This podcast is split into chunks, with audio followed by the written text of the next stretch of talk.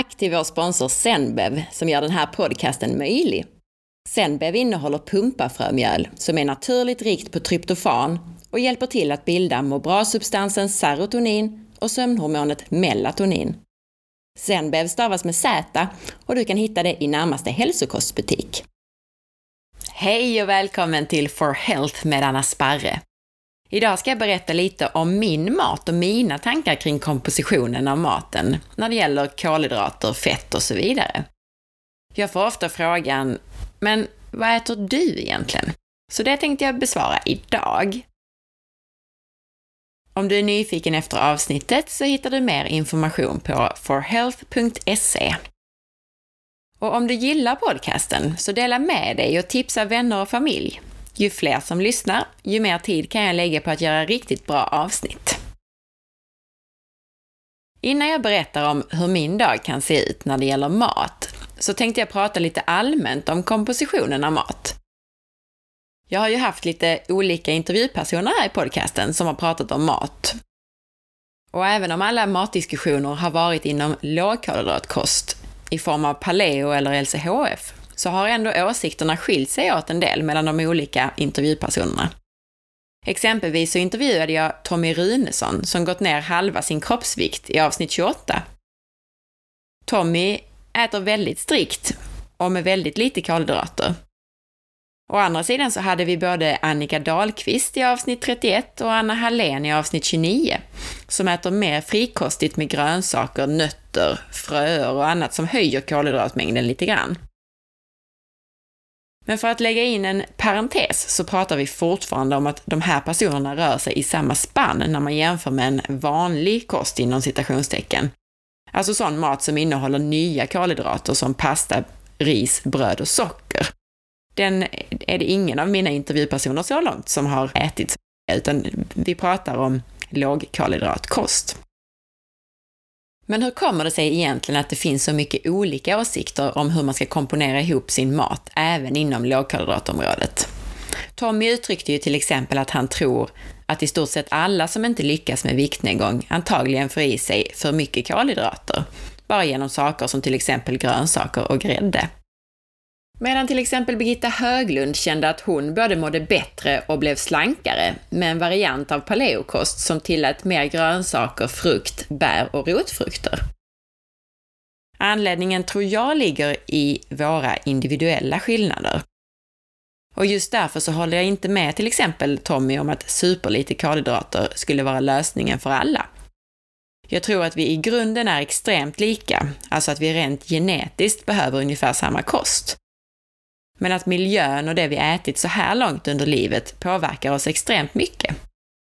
Har man ätit sig till metabolt syndrom och stor övervikt så mår man ofta bäst på en riktigt strikt och ketogen kost och får också bäst resultat på så sätt.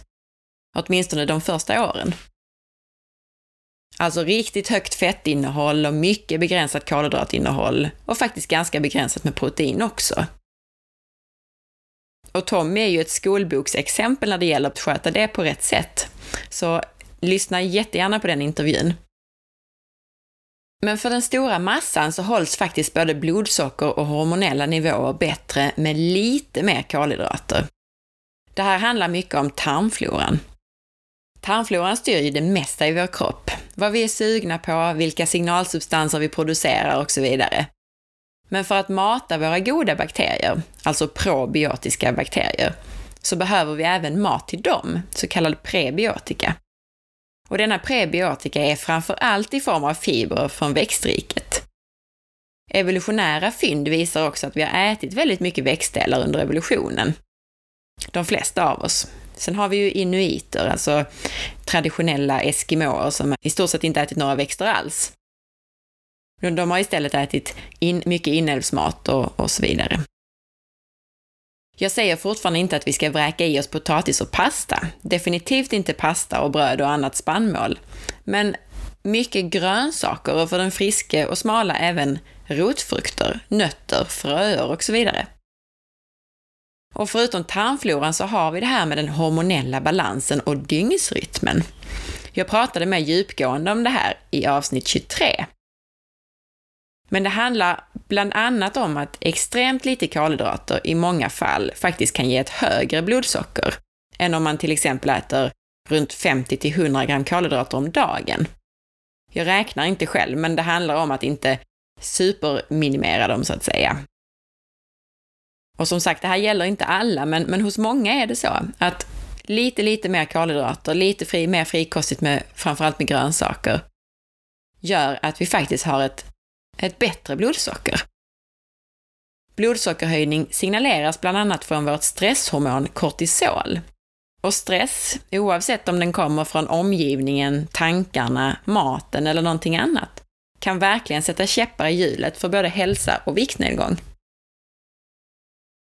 För att få rätt på dygnsrytmen så bör man få dagsljus på dagen och mörker på natten. Men nästan lika viktigt kan vara att äta på rätt sätt. Vi vill ha kortisolproduktion den första delen av dagen. Och då kan vi se till att begränsa kolhydraterna och äta mer fett, så att kortisolet, stresshormonet, signalerar frisättning av energi från depåerna. Senare på dagen och särskilt på kvällen så vill vi däremot sänka kortisolet och öka melatoninproduktionen. Får vi lite blodsocker från mer grönsaker och rotfrukter så slipper vi ha kortisolutsöndring för att höja blodsockret och frigöra energi. Och vi kan lättare komma till ro. Dessutom gör en liten blodsockerhöjning på kvällen och därmed ett litet påslag av hormonet insulin att vi lättare får in aminosyran tryptofan i hjärnan, som kan omvandlas till sömnhormonet melatonin. Och jag pratar mer om det här, det här med melatonin och tryptofan och så vidare i det avsnittet där jag svarar på lyssnarfrågor. Så när det gäller diabetiker och kraftigt överviktiga så är jag helt på Tommys spår. Ju striktare, desto bättre. I alla fall de första åren, tills man normaliserat och stabiliserat sina värden och sin vikt. Men när det gäller oss andra så är jag lite mer i linje med till exempel Birgitta Höglund som jag pratade med i förra avsnittet. Då tror jag på mycket växtdelar och särskilt på kvällen.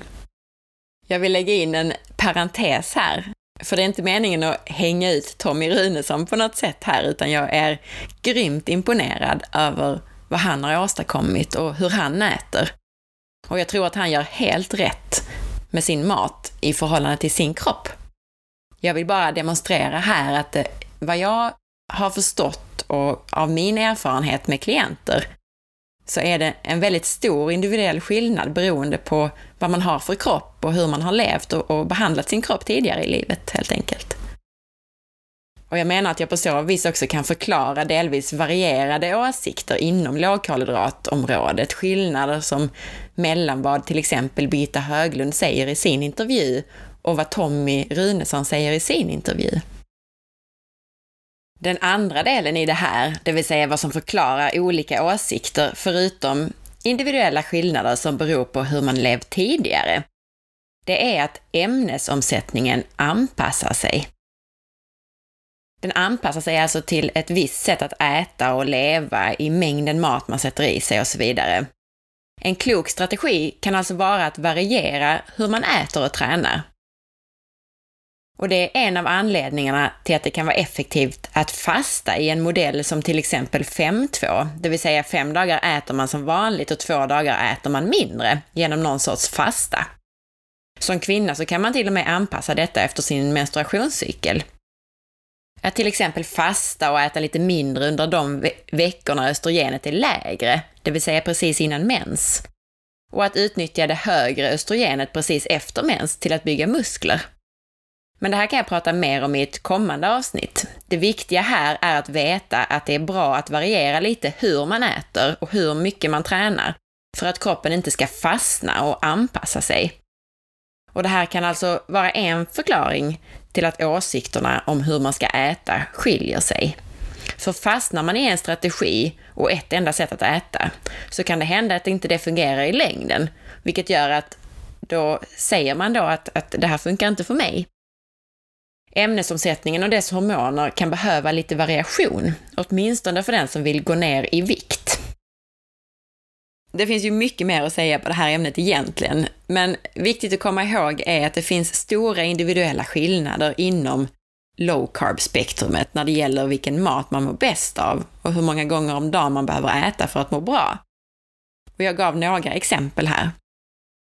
Vad som också är riktigt intressant är att det är skillnader på män och kvinnor, på pojkar och flickor. Jag har ofta tänkt på det rent erfarenhetsmässigt, att många manliga klienter mår bra på en riktigt strikt kost och med färre måltider.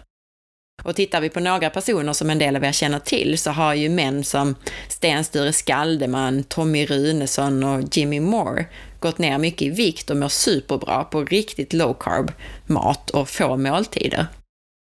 Men det intressanta i det här sammanhanget är att det faktiskt finns forskning som visar att det skiljer sig redan från spädbarnsåldern. Och givetvis så finns det kvinnor som mår bra på superstrikt mat också, men i, det är vanligare bland män enligt min erfarenhet, medan kvinnor oftare då alltså mår bättre på kanske lite, eh, lite fler måltider och kanske lite mer grönsaker. Men det intressanta i det här sammanhanget är att det faktiskt finns forskning som visar att det skiljer sig redan från spädbarnsåldern. Jag har ju pratat om tidigare att alla ammande bebisar är i ketos.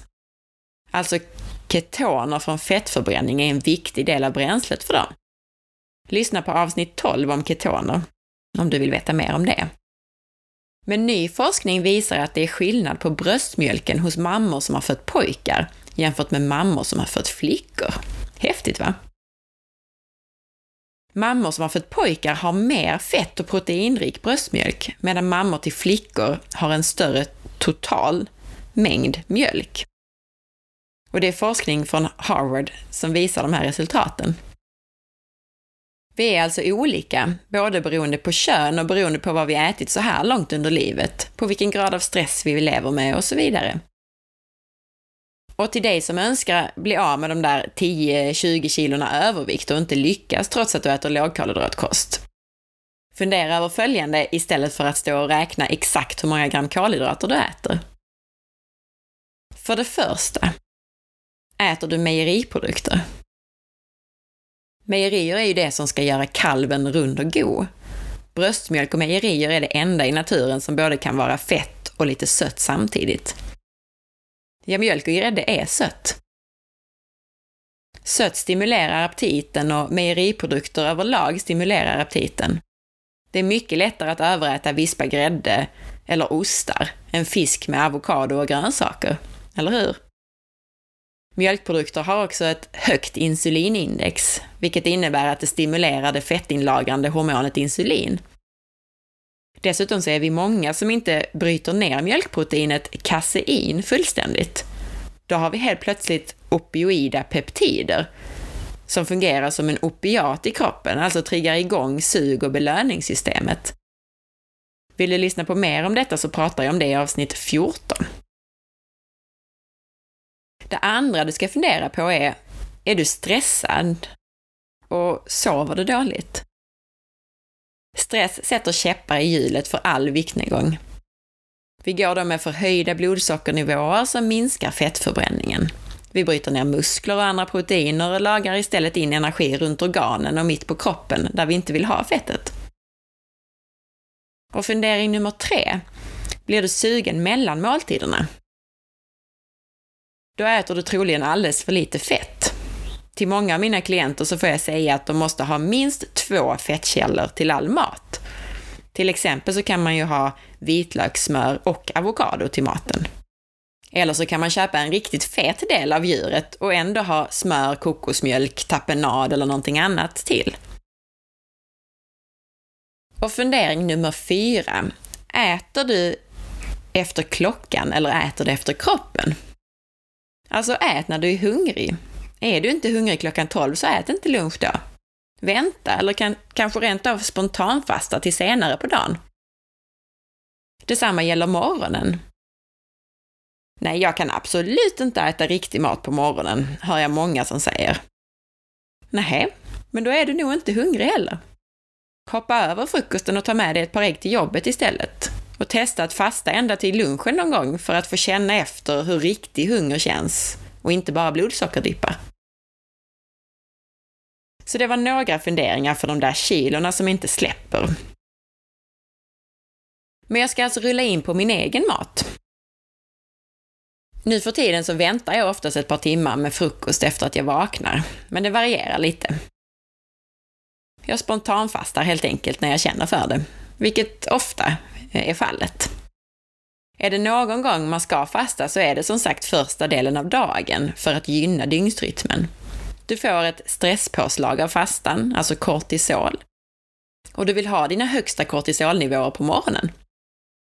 Kortisolet är ju tillsammans med melatoninet det hormon som styr din dygnsrytm. Ibland tar jag en promenad eller gör några enkla träningsövningar innan frukosten på morgonen. Och så lämnar jag min son på dagis.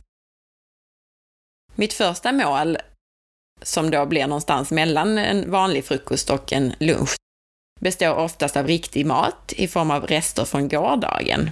Eller till exempel om jag arbetar hemma så slänger jag någonting i stekpannan. Igår blev det till exempel entrecote från naturbeteskött med mycket vitlökssmör. Till det hade jag spenat och vitkål. Första målet är relativt stort och fettrikt för mig. Så efter den vanliga maten så brukar jag äta kokosfett i någon form för att ytterligare öka på fettinnehållet i måltiden. Igår så blev det kokosfett med lite Himalayasalt, riven kokos och kakao. Sen är jag mätt och god. De flesta dagar så lägger jag in ett mindre mål mat som en sen lunch. Lite rökt fisk med avokado och någon grönsak till exempel. Det åt jag igår. Men några dagar så står jag mig bra ända till middagen på kvällen. Och på kvällen så blir det sen lite mer kolhydrater i någon form. Häromdagen så blev det en bit stekt torsk med smält smör, brysselkål och jordärtskockor. Då tog jag också lite mandel och valnötter och en bit mörk choklad precis innan jag la mig. Och igår kväll så blev sista målet precis innan jag la mig och då åt jag två skivor nötbröd med smör och skivat ägg. Två kokta ägg totalt. Och dessutom lite ost och en och en halv morot till det. Så så såg det ut igår. När jag spelar in det här så har jag ätit en omelett till frukost, gjord på två ägg, spenat och massor med smör. till det lite romansallad och vitkål och efteråt lite kokosfett med salt och riven kokos. När jag är iväg på vintrarna och surfar flera timmar om dagen så äter jag oftast fyra mål mat per dag. Och då blir det ofta sötpotatis och pumpa på kvällen som lite extra kolhydrater. I övrigt så är det väldigt likt det jag äter annars. Jag behöver inte några stora mängder kött eller annat protein eftersom jag äter så mycket fett. Jag äter givetvis eh, rimliga och normala mängder eh, kött och protein, men vi behöver inte mer än, än ett gram protein per kilo kroppsvikt ungefär om vi inte bygger muskler eller har något väldigt tufft kroppsarbete.